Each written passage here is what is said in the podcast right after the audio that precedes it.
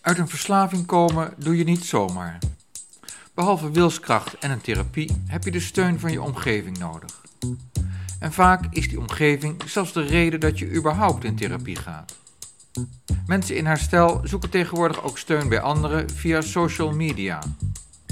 Ze publiceren zichzelf in een podcast of een video, zoals René van Kolm dat deed. Je hoorde hem in deel 1 van de serie Grenzeloos Verlangen van Peter de Ruiter. Dit is deel 2. Lieve mensen, welkom bij een nieuwe aflevering van de podcast van Verslaving naar Vrijheid. Mijn naam is René van Kolm en super fijn dat je kijkt en luistert. In deze aflevering wil ik het gaan hebben over in herstel zijn van je verslaving. In herstel zijn van je verslaving, als je stopt met gebruiken of met je middelen of je gedrag, dan is je verslaving toch gewoon voorbij, is het toch gewoon opgelost. Nou, dat is precies wat ik vroeger ook dacht, alleen in de praktijk werkte dat niet zo.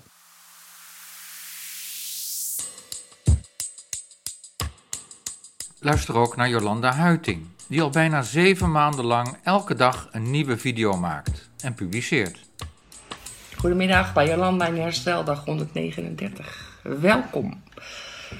Vandaag wel even een paar moeilijke momentjes gehad. Dat ik echt dacht van nou weet je, ik kan wel weer. Maar ja, nee, dan denk ik wat er allemaal gaat gebeuren. En hoe ik er dan bij zit. En waar ik dan weer naartoe ga. En dan gooi ik 139 dagen weg. En nee, dat komt wel in me op hoor, met de gedachten. Maar uh, dat zijn gedachten.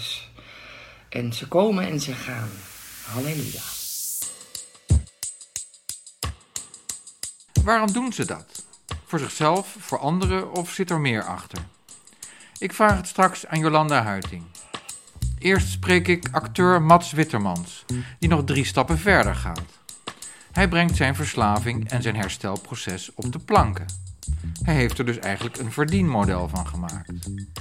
Hij heeft rollen gespeeld in films als Van God los en Filijnen zegt sorry, en series als Penosa en Goede tijden, slechte tijden. Maar aan die rollen, ook die op het toneel, maakte zijn verslaving uiteindelijk een einde. Ik kon nergens meer nuchter aankomen. Ik kon niet meer acteren als ik niet uh, s ochtends vroeg had gedronken. Dus ik kon geen tekst meer onthouden. En dan, dan was gewoon het eerste wat ik deed, was uh, drinken. Want anders durfde ik de vloer niet meer op. En ik kon geen teksten meer onthouden.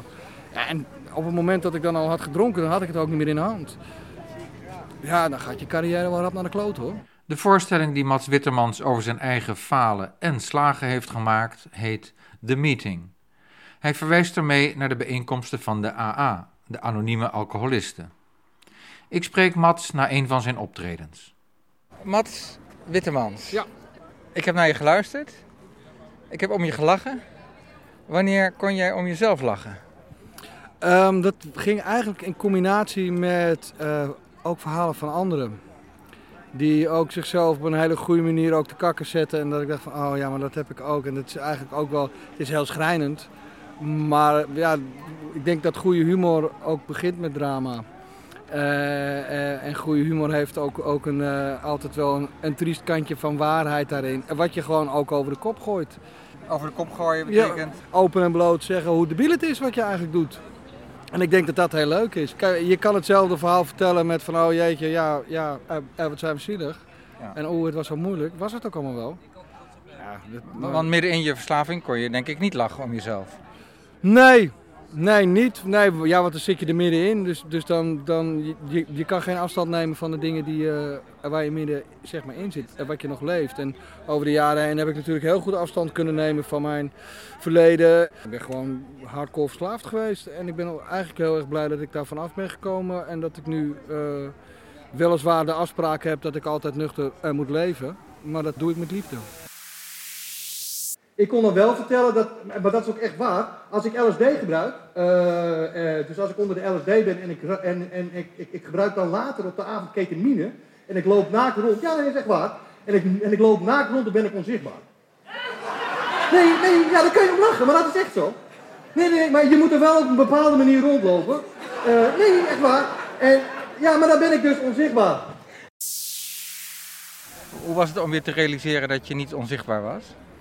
Nou ja, dat zijn dan ook weer van die verhalen dat je... Maar ergens weet je het ook wel van, nou heb ik dat al gedaan? Het is niet echt waar. Maar op dat moment zelf, dat je dan echt denkt, ik ben je zo... We zijn helemaal met LSD natuurlijk, ben je gewoon zo aan het trippen. Ja, dat je dus echt, echt denkt van, nou wauw man, helemaal niemand kijkt mij. Ik ben naakt en als ik zo loop ben ik onzichtbaar. Ja, en dat je achteraf denkt van, nou ik ben gewoon echt een debiel. Gewoon echt, natuurlijk weet iedereen dat, oh, nee, was het weer zover? Ja Mats, het was weer zover. Ah, kak. Ja, daar kon ik wel om lachen, ja. Ja.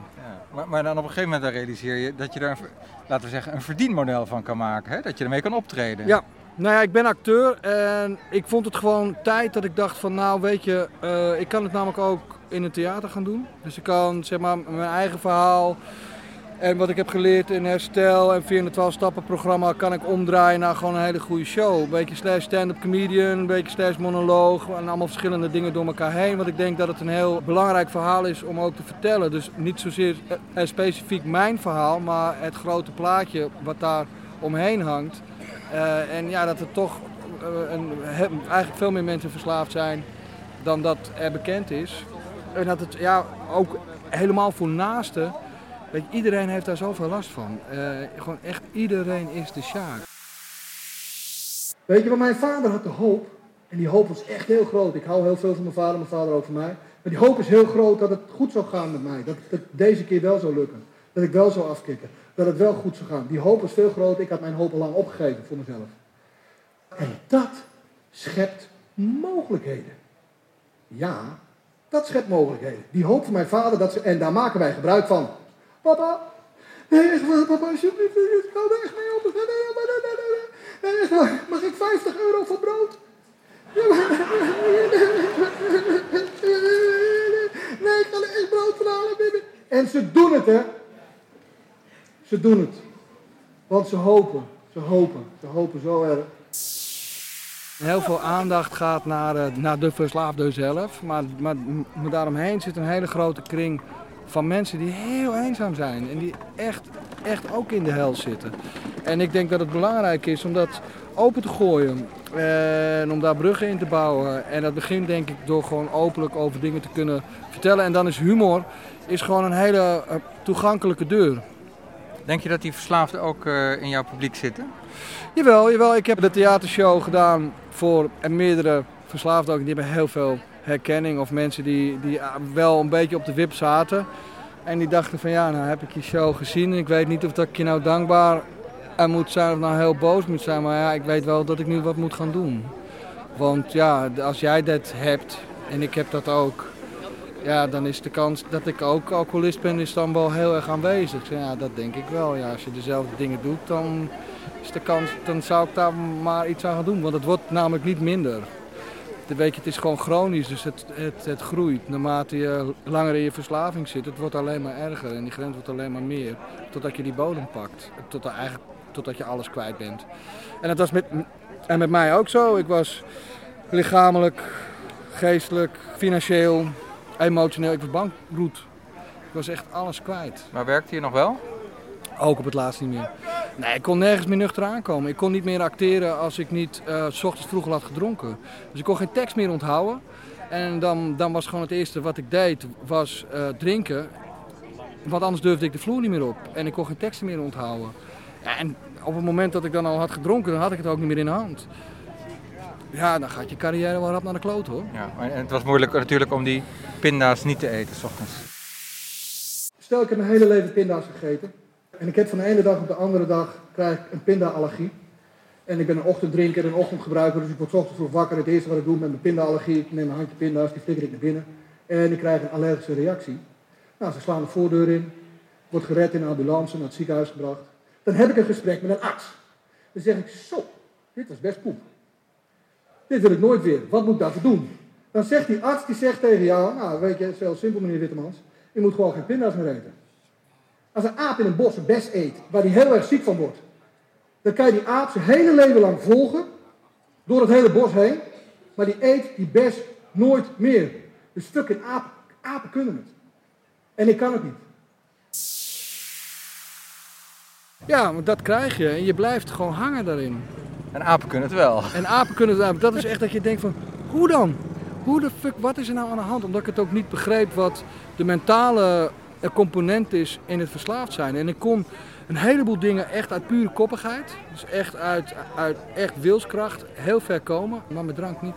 Wat ik heb geleerd en waar ik heel dankbaar voor ben, is ik leren om om hulp te vragen.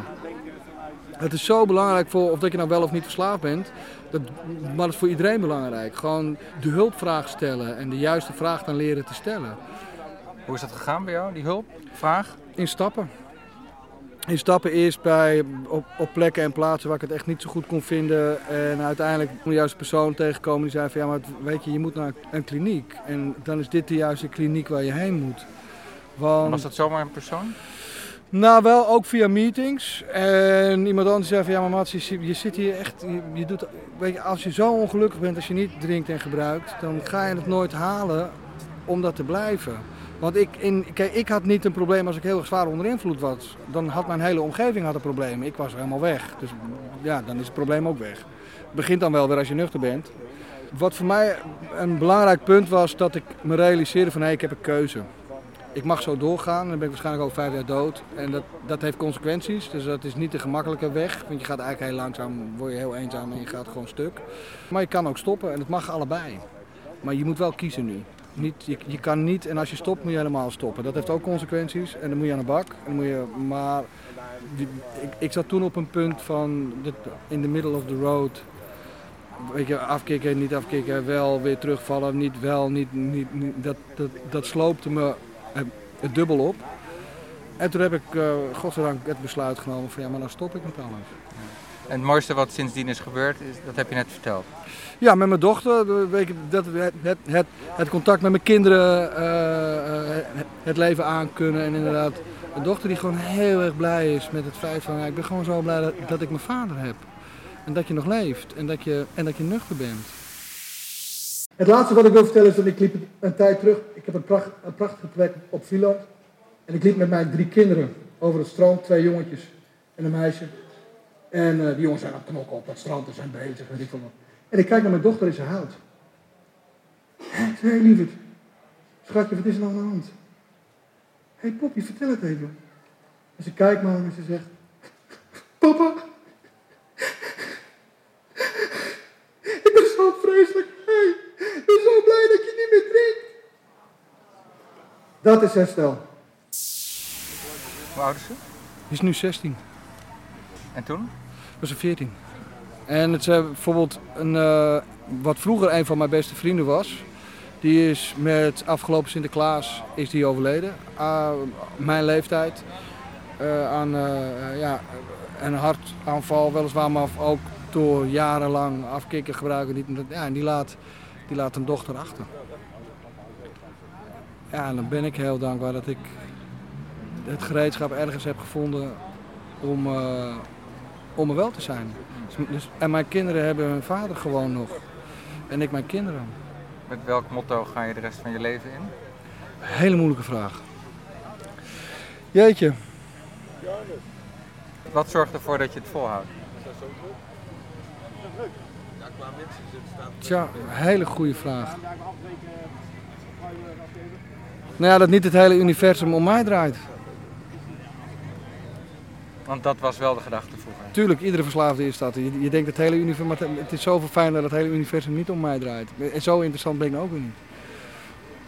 Dus, dus dan ga je leven voor, voor, voor andere dingen buiten jouw, jouw ding om. En dat is, dat is heel, heel dankbaar en ja. heel dierbaar. Ja. En, en nu kun je afstand nemen van jezelf. Ja. En er grappen over maken en ook andere mensen daar ja, een, uh, een voorbeeld mee geven. Of... Zo goed mogelijk proberen te helpen, ja. Dankjewel. Graag gedaan.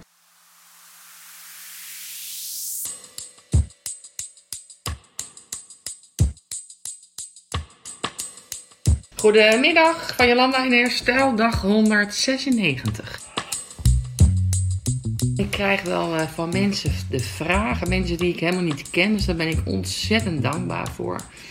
Ik wil ook wel stoppen, maar ik kan het niet. En ik weet niet hoe. Jolanda Huiting is 51 jaar, woont in Alkmaar en heeft na 200 afleveringen van haar video's meer dan 300 volgers. Dat is een van de redenen waarom ze het doet. Anderen helpen, een voorbeeld zijn. Ik denk dat delen helen is. Voor mij werkt dat. Uh, zodra ik dingen deel, kan ik, kan ik een stukje helen. En dat het een manier is om door het delen, dat mensen kunnen denken van hé, hey, daar kan ik misschien ook wel uh, iets mee. Of ik kan met haar misschien eens mee naar een meeting. En dat gebeurt ook. En ik vind een ander helpen, dat voelt bij mij ook goed. Maar Jolanda zegt dat ze met de video's ook een soort afspraak met zichzelf maakt.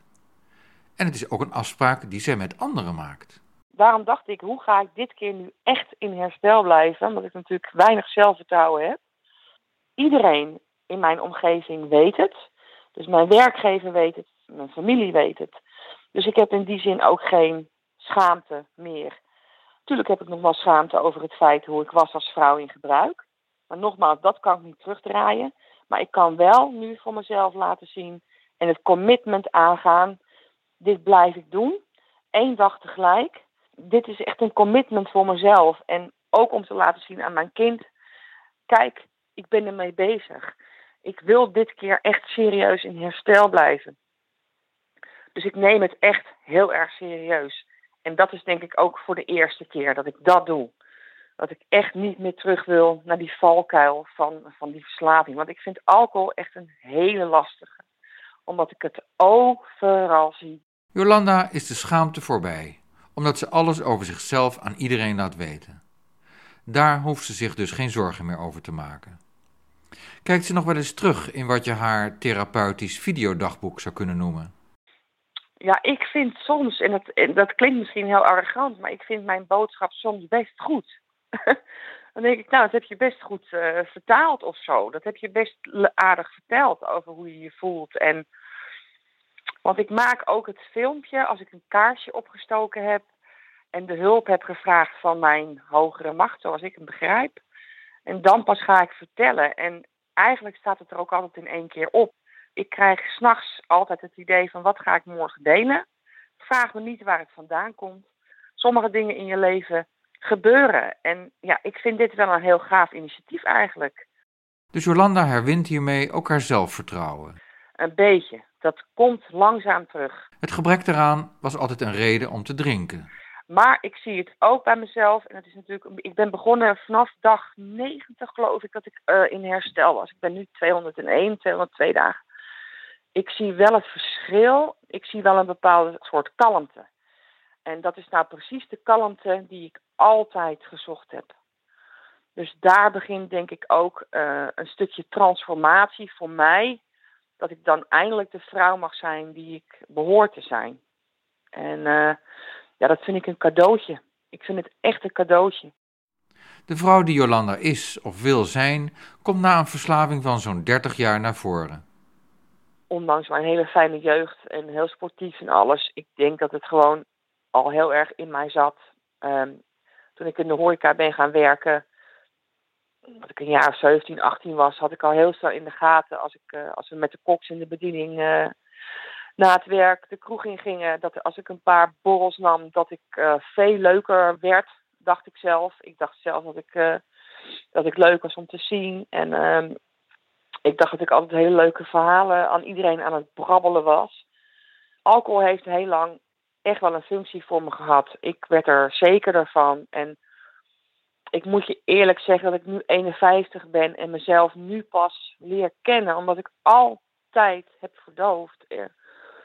Uh, of het nou een blije dag was of een trieste dag was, of dat mijn vader overleed of dat ik kanker had. Ik heb altijd gedronken. Dus dan word je ook niet volwassen. En die onzekerheid is, uh, is, is lastig te zien bij mij. Als je, als je mij ziet en dan zegt iedereen, nou ik had nooit gedacht dat jij onzeker bent. Maar ik ben hartstikke onzeker. Alleen zet ik dan een bepaald masker op. Alcohol was voor Jolanda een stimulans, een soort accelerator. Ik merkte al wel heel snel, ik drink sneller dan andere mensen. Ik wil nooit naar huis. Ik ging altijd naar de zwarmazaak. Ik wilde door. Ik wilde nooit stoppen. Ik had heel snel al die rem niet meer. Als ik met een vriendin uitging, was het altijd: ga jij maar naar huis, ik blijf. Dus het egoïsme, dat, uh, dat, dat werd heel groot als ik gedronken had. En het interesseerde me ook allemaal helemaal geen moer wat ik de dag daarna moest doen of wie ik daarmee kwetste. Of wie er op mij zat te wachten. Ik wilde door. Dus dat egoïsme kwam heel erg. Maar als die alcohol mij eenmaal heeft, dan, dan, dan, ga, ik, dan ga ik voor gaas. Wist ze dat ze een grens overging?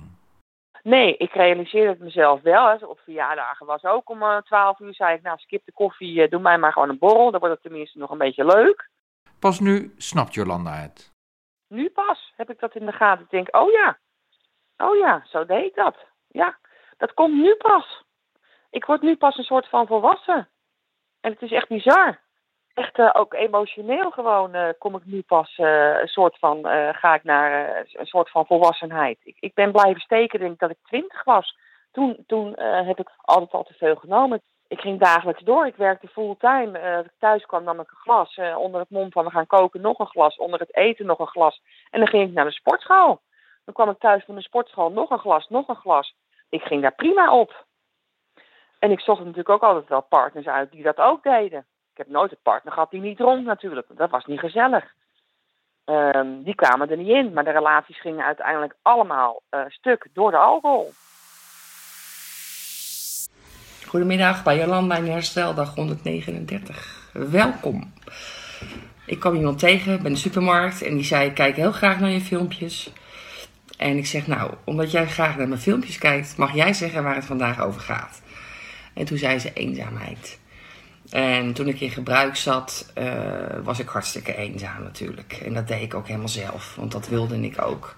Ik wilde niemand meer om me heen hebben. En vandaag de dag heb ik heel veel mensen om me heen. En als ik dan eens een keer een uurtje alleen thuis ben, vind ik dat ook wel heel lekker. Dan kan ik er echt heel erg van genieten. Um, dus eenzaamheid geldt voor mij alleen als ik in gebruik ben. Dus ik ben aan 139 dagen niet meer eenzaam. En uh, ja, ik gebruikte altijd mijn middel als mijn grote vriend. Zei ik altijd, mijn grote vriend staat altijd in, gewoon in de koelkast. En ik kan hem pakken wanneer ik wil. Maar die grote vriend wil ook niet meer in de koelkast. Hoe is het gekomen dat Jolanda na 30 jaar verslaving serieus in herstel is gegaan? Dat was op een dag die haar nog lang zal heugen. In goede zin dan. Mijn dochter heeft toen uh, een dinsdagavond in maart dit jaar heeft zij een soort van interventie met mijn broer en mijn neef geregeld. En die kwamen s'avonds bij mij. En uh, ik wilde natuurlijk helemaal niet dat die s'avonds kwamen. Want s'avonds is... Uh, ik, ik, ik ben een middaggebruiker. En s'avonds uh, lag ik meestal te slapen. Dus mijn dochter heeft eigenlijk tien jaar alleen op de bank gezeten beneden. Want ik was er gewoon niet. En zij is de held in dit hele verhaal. Hoe oud is je dochter?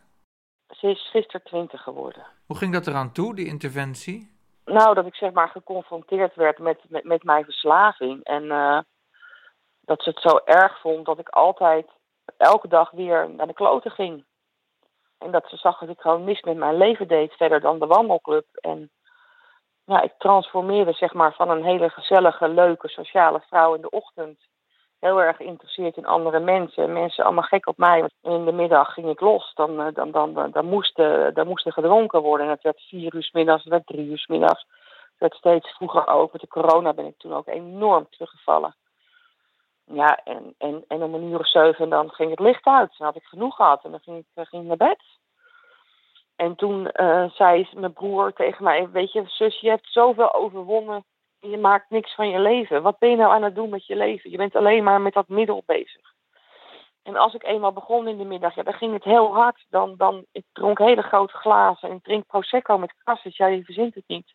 Want ik lust niks anders meer. En uh, ja, dan, dan, was ik na een uur of twee uur was ik gewoon echt wel...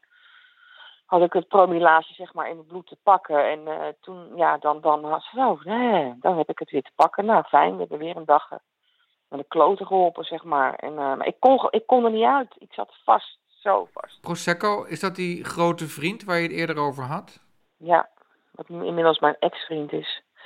En hij gaat elke dag een stapje verder van me vandaan, mijn ex-vriend. Dat is fantastisch. Maar ik ben dus die dinsdagavond boos geweest. Ik ben heel verdrietig geweest. En ik heb gezegd tegen mijn broer, ik wil dit leven niet meer. Ik wil niet, ik wil, ik, ik kan niet stoppen. Ik ben machteloos. Ik wil wat dat betreft, wil ik gewoon echt wel stoppen met dit leven. Ik heb ook met paracetamol gestaan. Ik dacht, ik weet je, ik wil dit niet meer. Ik wil dit niet meer, maar het is te sterk. Ik wil niet meer. En toen zei mijn dochter, ja, mijn mam, ik wil nog helemaal niet zonder jou. En toen is er iets in mij gebeurd. Toen is er iets geknapt. Of mijn gezonde deel nam het over. Ik weet het niet, maar toen ben ik echt gezwicht. En toen heb ik echt gezegd, jullie hebben helemaal gelijk. Ik wil nog niet dood. Ehm, ik wil voor jou een moeder zijn. Ik, ik ga naar de kliniek. Ik moet me laten opnemen. Dus ik heb daar een maand, april dit jaar, heb ik daar gezeten. En sindsdien is Jolanda in herstel. Goedemiddag bij Jolanda in Herstel, dag 163 vandaag. En wat ik ehm, opvallend vind, is dat er mensen om mij heen zijn die zeggen van ja, je moet eens wat anders gaan doen dan met dat herstel bezig zijn. Is dat nou wel nodig dat jij elke dag daarmee bezig bent? En het antwoord is ja, ik moet daarmee bezig blijven. Want anders dan gaat het niet goed. Zodra ik uh, verslap of uh, geen zin meer in heb of dan uh, geen, geen contact meer heb, dan gaat het mis. Dan gaat mijn verslaafde brein met me aan de haal. En dan stiefel ik terug op een, op een terugval. Dus nou, ik moet absoluut in herstel blijven en ik moet daar elke dag mee bezig zijn. Herstel is een dagtaak, zegt ook Cheert, die ik spreek op een congres van LEF, een tijdschrift over dit onderwerp. Ik wil u allebei een vraag stellen. Ja hoor, zeker. Wil je je naam zeggen? Ja, zeker. Ja, wat is je naam? Mijn naam is Chert. En wat is voor jou de belangrijkste reden om hier naartoe te komen? Ja, nou, voor mij is het gewoon uh, heel belangrijk om mezelf te herinneren dat ik een uh, verslaving heb en dat ik een ziekte heb. En dat ik, uh, ja, dat, dat, dat ik dat niet vergeet. Want als ik dat ga vergeten, dan val ik in oude patronen. En dan, en dan vergeet ik dat ik verslaafd ben en dat ik sommige dingen gewoon niet kan. En als ik dat, en als ik dat vergeet, dan gaat het weer slecht met me. En ik ben er echt achter gekomen dat als ik in, in herstel ga, dat, um, en in herstel zit, dat uh, ik in de afgelopen half jaar dat ik in herstel zit, meer voor elkaar heb gekregen dan dat ik in vier jaar in gebruik heb gezeten. Dus in vier jaar lange tijd heb ik eigenlijk helemaal niks gedaan. En sinds ik in herstel zit, krijg ik alles voor elkaar. Het geluk lacht me gewoon toe. En, en dan blijf ik mezelf herinneren. En nu gaat het gewoon, ik blijf in herstel. Maar het was moeilijk om in herstel te komen. Um, ja, de stap te zetten om, uh, om, om toe te geven dat ik een probleem heb, is echt heel lastig. Um, ik ben ook eigenlijk in de kliniek gegaan met een hele open mind van ja, ik, dit is het laatste wat ik ga doen. Stel dit helpt niet, dan geef ik het op. En eigenlijk daar heb ik gezien dat ik eigenlijk best wel een probleem heb. Wat toch eigenlijk best wel ja, uh, geholpen kan worden. En dat, dat, ik, dat, ik, ja, dat ik niet alleen ben met het probleem. Want ik dacht altijd dat ik alleen was en dat ik als enige een probleem had.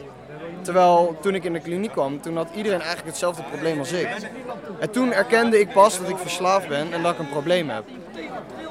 Volgens mij leer je in het traject ja. wel goed praten over jezelf, hè? Ja, eerst deed ik dat totaal niet. Uh, ik was heel erg aan mezelf, met niemand praten. Ik was mijn eigen beste vriend. Um, alleen praten, door praten verbreek je meer het stigma. En kun je meer kwetsbaar zijn over jezelf. En wordt het ook steeds makkelijker om het te doen. Want eerst is dat natuurlijk eng, maar hoe vaker je het doet, hoe makkelijker het gaat. Dus zo gaat het echt. En zo blijkt praten over jezelf ook voor Cheert een gunstige werking te hebben. Hij zit met fellow Erik in een safe house. Die zijn er niet alleen voor bedreigde politici of vrouwen, maar ook voor mensen in herstel. Erik legt uit. Een safe house, is gewoon een, een soort van fellowship, want je zit natuurlijk met, met je fellows in, in een huis. Waar je de constant krijg je, heb je spiegels om je heen. Dus je wordt constant. Uh, je ziet constant zeg maar, erkenning in de, in, in de fellows om je heen, waar je zelf natuurlijk weer wat aan kan leren. Uh, dan moet ik niet vergeten dat je in het safehouse ook gewoon een stukje begeleiding erbij krijgt. Dus we hebben ook twee keer per week een één op één sessies. En door de, ja, we hebben zeg maar een dagbesteding, het ochtends. Uh, waar je ook gewoon weer natuurlijk gaat werken aan uh, sociaal aanvaardbare dingetjes. Bijvoorbeeld zoals sollicitatiegesprekken voeren, we voeren debatten. Uh, we hebben een peergroep, daar spreek je elkaar aan uh, op het gedrag wat je bij de ander ziet. Dus je geeft elkaar feedback. En zo kom je een beetje je blinde vlekken die leer je te kennen. Maar het is ook gewoon van belang, zeg maar, het is ook gewoon een verplichting vanuit het safehouse dat we meetings bijwonen. Ook al is het nou een verplichting vanuit mezelf dat ik naar meetings ga. Want uh, wat ik nu ervaren heb de afgelopen periode is dat je blijft echt clean wanneer je naar de meetings gaat. Ga je dat loslaten, dan gaat dat, dat stemmetje van verslaving gaat dan, ja, dat gaat weer de overhand pakken en dan ben je zo weer terug bij af. En nou zijn jullie allebei nog uh, vrij jong, hè? Uh, Cheert was het, hè? Ja, ik uh, ben 20 jaar. En jij bent? 24. Dan maak je al een hoop mee ja. in de eerste 25 jaar van je leven, hè? Ja, dat klopt. Ja, ja ik, uh, mijn gebruik begon op mijn 15e, 16 ongeveer. Maar het is in die vier jaar, vijf jaar tijd is het echt gewoon heel snel eigenlijk van 0 naar 100 gegaan. En um, Met wat? Uh, benzodiazepine, wiet. Uh, dat was vooral mijn uh, hoofdmiddel, zeg maar. En ja, ik heb op een gegeven moment heb ik zulke ontwenningsverschijnselen gehad dat ik daardoor mijn rug heb gebroken.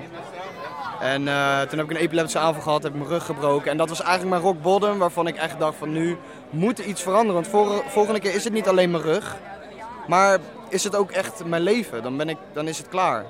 En dat wil ik helemaal niet. En hoe is het met jouw fellow? Uh, had jij ook een rock bottom? Uh, ja, mijn drug of choice, zo noemen we dat dan wel schokken en wiet. Het, het, is gewoon moeilijk uit te leggen. Ja, verslaafden die, die, die zien die erkenning, zeg maar. Maar het is gewoon inderdaad gewoon een kwestie tussen leven en dood. Erik benadrukt het belang van elkaar helpen als mensen in herstel. Mensen met bijvoorbeeld een, een medische achtergrond als een dokter, respect voor hun beroep en wat ze doen. Maar die vertellen gewoon heel simpel van ja, je moet het gewoon niet meer doen. Maar dat werkt bij ons niet zo. Mensen met een, met een verslavingsziekte inzicht, die hebben gewoon zoveel erkenning aan elkaar. Die, dat zijn die enige mensen die elkaar kunnen helpen, zeg maar. Wij kunnen wel naar een dokter gaan, maar een dokter gaat ons niet genezen van de ziekteverslaving. De enige die kan genezen van de ziekteverslaving is ben jij, ben jij zelf. Het is gewoon constant reflecteren op jezelf. Cheert, kijk nog wel eens terug naar vroeger. Bijvoorbeeld, ik heb foto's op mijn telefoon staan van hoe ik erbij zat op sommige dagen. En dat kijk ik dan weer en dat is ook weer een reminder voor mezelf. Uh, van, van waar ik eigenlijk vandaan kom en, en hoe ik er nu uitzie. Want hoe ik er vorig jaar uitzag, was vreselijk. Ik, zat onder de puisten en ik, ik, zat, ik had gewoon een ingevallen gezicht, ballen onder mijn ogen.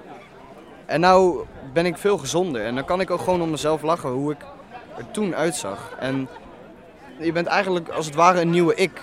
Uh, je bent je betere zelf geworden en je hebt jezelf teruggevonden en je gevoelens, je kan weer voelen. En ook al is dat soms eng, heel eerlijk gezegd, is dat gewoon eng. Om dingen te voelen, emoties voel je weer. Want dat is eigenlijk wat ik altijd wilde onderdrukken. Met depressies die ik had, wilde ik altijd op gebruiken, omdat ik niet wilde voelen. Want dat was eng. En ja, daardoor ben ik dus juist gaan gebruiken. En nu ben je buiten gebruik en zit je in herstel en voel je opeens allemaal dingen. En dat, dat vond ik op een gegeven moment heel eng. Want ik voelde opeens weer verdriet. En, en eigenlijk blijheid. Ik voelde me altijd heel neutraal. Het was, was, ik, ik voelde me eigenlijk niks. Ik voelde, me, ik voelde mezelf niet eens. Ik wist niet, ik wist niet eens meer wie ik was. En nou, na een tijdje begin ik weer dingen te voelen. Je, je staat dichter bij jezelf. En, en dat vond ik heel belangrijk. Omdat toen ik ben gestopt met, uh, met drugs en in de kliniek begon ik steeds meer van mezelf te leren kennen eigenlijk. En wat ik wel fijn vond en wat ik niet fijn vond. Ten slotte muziek. Ricardo, de Surinaamse hazes. Met een toepasselijk liedje. Ik heb het donker van het leven moeten zien. Vergooide mijn toekomst met angst als trouwvriend. Op zoek naar een uitweg, naar het vrede in mijn hoofd. Ik leefde in de mist van mijn liefde beroofd. Ik wilde graag ontsnappen aan de hardheid van de tijd. Een zoektocht naar verlossing, maar nooit werd ik bevrijd. Het leek niet meer te redden, steeds dichter naar de hel. Maar ergens diep van binnen riep een stem. Ik ben mijn beste vriend, ik heb mij echt verdiend op mij kan ik vertrouwen, met mij durf ik het aan. Ik ben mijn beste vriend, ik heb mij echt verdiend. Met mij kan ik de hele wereld aan. Ik werd besodemieter. Ik ben mijn beste vriend. Klopt. Dat is wel een lied met veel betekenis, denk ik. Ja, voor mij betekent het heel veel. Als je veel hebt meegemaakt in het leven en je zoekt toch altijd naar mensen die je kan vertrouwen, waarmee je leuk kan omgaan en zo. En dat is in dit leven soms moeilijk. Dus uh, toen, uh, doordat ik ben, aan het zingen ben, toen dacht ik, hé, hey, het zou wel leuk zijn om een liedje daarover te maken. Van ik ben mijn beste vriend. Uh, daar bedoel ik mee. als iemand van je houdt, hij van je. Als hij niet van je houdt, is geen probleem. Zorg jij maar dat jij je beste vriend. Je bent, je, je, als niemand je vriend wil zijn, ben jij je beste vriend. Dus zodoende heb ik... Want hoe kwam je op dat idee? Want je hebt zelf ook een uh, herstel... Uh... Ja, ik was uh, 40 jaar was ik heel erg zwaar verslaafd. En toen ben ik in 2000 gaan stoppen. Ik blow af en toe een jointje, want dat is mijn... geen, geen harddrugs, geen cocaïne, heroïne, dat niet. Dat heb ik 40 jaar gedaan, doe ik niet meer. Maar ik rook wel een jointje. Kijk, zoals iedereen een eentje houdt van zijn biertje. Ik hou van een, een, een joint, dat ontspan me. Ik hou niet van alcohol. Zo heeft iedereen zijn ding wat bij hem past. Zou je nog één ding voor me willen doen? Ja. Even het refrein zingen. Van welk? Van het liedje. Ik ben mijn beste vriend. Ik ben mijn beste... Oh. Ik ben mijn beste vriend. Ik heb mij verdiend. Op mij kan ik vertrouwen. Met mij durf ik het aan. Ik ben mijn beste vriend. Ik heb mij verdiend. Met mij kan ik de hele wereld aan. Samen met jullie allemaal. Ja. Geweldig. Dank u wel. Dank je wel. Ja, en, en sterkt ook met uw dingen hoor. Dit was deel 2 van de serie Grenzeloos Verlangen over verslaving en herstel door Peter de Ruiter. Dank voor het luisteren. Klik voor meer informatie naar luisterdoc.nl.